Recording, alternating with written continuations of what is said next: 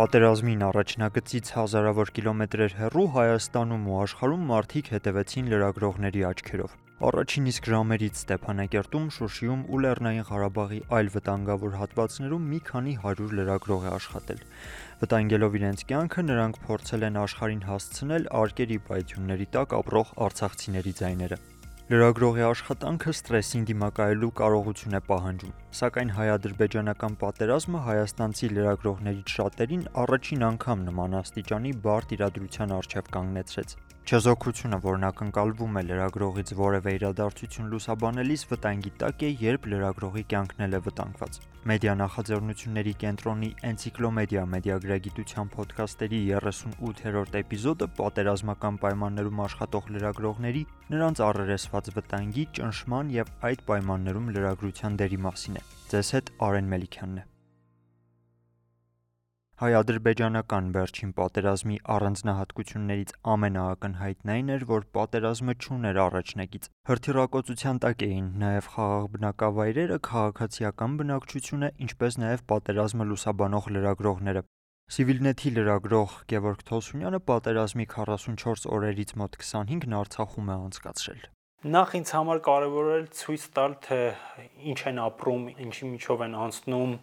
ինչ պատկերացումներ ունեն այնտեղի բնակիչները, մարդիկ։ Երկրորդը ցույց տալ, թե ինչ է անում ադրբեջանական զինուժը, գաղտնիք չի, որ հարվածում էր քաղաքացիական բնակչությանը ու երրորդը ցույց տալ այն մարդկանց, ովքեր պատերազմի հենց միջով էին անցնում, այսինքն կռվում էին, լինի զինվորներ, թե կամավորներ, թե պայեստազորայիններ։ Վիրավորներ, թուրքեր կարակում են Եկեմ հիմի գյուղում եմ։ Ճանապարհին հանդիպել ենք Տումիեցի Սպարտակի հետ եւ նրա հետ հենց մենք գնացել ենք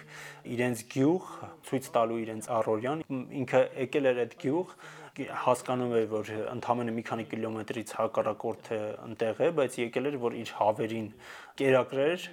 ու շորը վերցներ ու գնար։ Տեղում հետևելով իրադարձություններին, տեսնելով մարդկային տառապանքները, հաճախ լրագրողների համար բարդ է պարզապես դեպքերն արձանագրողի դերում մնալ։ Ճգնաժամային իրավիճակը հաճախ կարող է դրթել առավել զգացմունքային արձագանքի, սակայն մյուս կողմից էլ ցանկացած իրավիճակում սառնասիրտ մնալու մասնագիտական պահանջն է։ Ես էլ էի նկատում ինքս, որ հոգեբանական շատ լուրջ հարվածներ եմ ստանում ու դա ստանում է այդ պատմությունները լսելով, այդ մարդկանց տեսնելով ու անկարողությունից, որ իրենց բացի այս ռեպորտաժը կամ տեսանյութը պատրաստելուց ավելին չես կարող անել։ Այս չես կարող ես արհավիրքը կանգնեցնել, չես կարող վերադարձնել իրենց տների, իրենց հարազատներին, ոչինչ չես կարող անել, ընդհանրապես քո ռեպորտաժն է։ Այդ առումով բավականին դժվար էր ինչ որտեղ նաև էմոցիոնալ տեսանկյունից ինչ որ բաներ նույնիսկ անհնարին էր տեսնել, լուսաբանել։ Նման իրավիճակում լրագրողներից ոմանք ստիպված են բարդ որոշումներ կայացնել, ինչը հաղորդել, իսկ ինչը ոչ։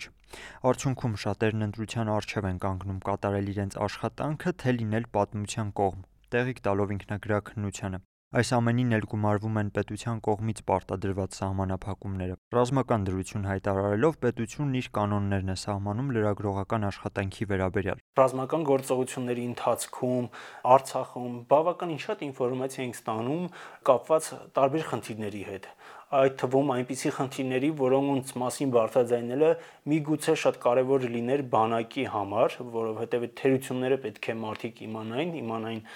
նաև Երևանում, կառավարությունում եւ այլն, Եվ մենք լռում ենք, որովհետև մենք հասկանում ենք, որ պաշտոնական տեղեկությունից զատ մենք իրավունք չունենք որևէ տեղեկություն հաղորդել։ Պաշտոնական ճնշմանը զուգահեռ հասարակությունն էլ իր հերթին էր ճնշում գործադրում մեդիայի վրա։ Հիմնականում որպես ուղենիշ ընդունելով պաշտոնական հայտարարություններն ու բացասական արձագանքելով դրանից տարբերվող որևէ այլ տեղեկատվության։ Մենք գնացել ենք Վարդենիս ու նկարել ենք մի տուն, որը ԱԹՍ-ի ռումբից պայթել էր եւ այնտեղ կար քաղաքացիական անձով զոհվել էր ես նկարներ արեցի, որտեղ երևում էր կողքի սարերը եւ այլն, ու այդ տեղանքն էր երևում։ Այդ նույն օրը Պաշտպանության նախարարության մամուլի քարտուղարը գրել էր, որ մի նկարահանեք այնպիսի լուսանկարներ մի տեղադրեք, որոնցում տեղանքն է երևում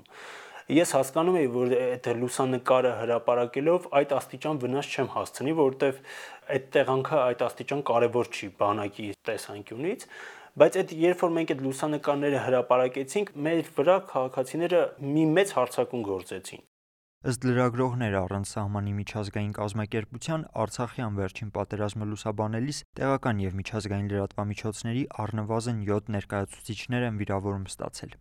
Յուրաքանչյուր վարքյան զգալով վտանգի սպառնալիքը հարյուրավոր լրագրողներ իրենց անձնակազմերի հետ այնուամենայնիվ շարունակել են լուրեր փոխանցել աշխարհին դեպքի վայրից վերևում ԱԹՍ-ն պտտվում է, ձայնը անսպառ է, մի քիչ քեզնից հեռու գմգմփոցները լսվում ես, յուրաքանչյուր պահի քեզ թվում է թե դա դրանք հասնելու են քեզ։ Այս զգացողությունն է, որ մշտապես խանգարել է ինձ լիարժեք աշխատել, լիարժեք լուսաբանել այն այնինչ որ ես տեսնում եմ։ Ֆրանսիացի լրագրող Կոնստանս Լեոնն ասում է պատերազմը լուսաբանելու ողջ ընթացքում ես վախ զգում Դու միշտ ճնշման տակ ես, վախ ես զգում։ Վասկի մեջ ես ու գլխավերևում դրոններ են պտտվում։ Հրետակոծություն է, չես կարողանում քնել։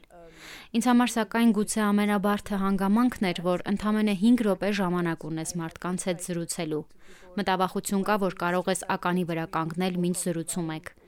Եվ ես ատում եմ այդ զգացողությունը, քանի որ երբ լրագրությամբ եմ զբաղվում, ես իսկապես սիրում եմ ժամանակ ունենալ, նստել, զրուցել մարդկանց հետ, հասկանալ կոնտեքստը, միջավայրը, որում մարդն է ապրում։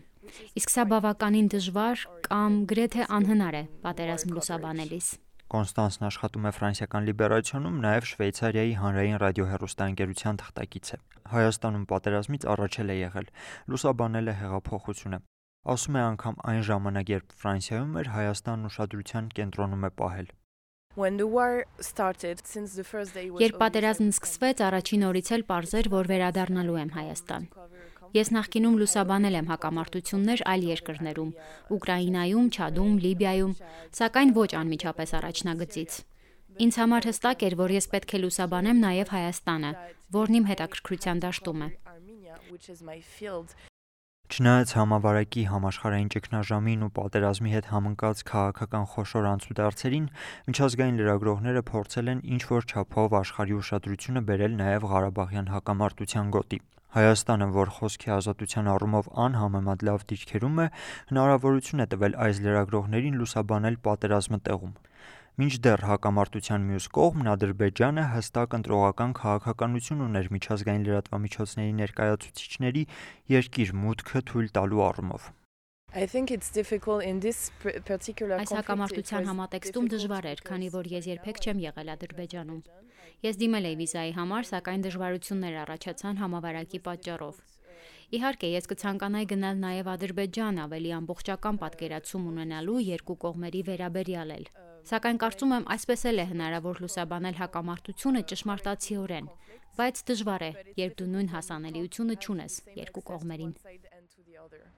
Չեզոքությունը բանավեճի թեմա է, երբ խոսքը մարդկային կյանքեր խլող արյունալի իրադարձության մասին է։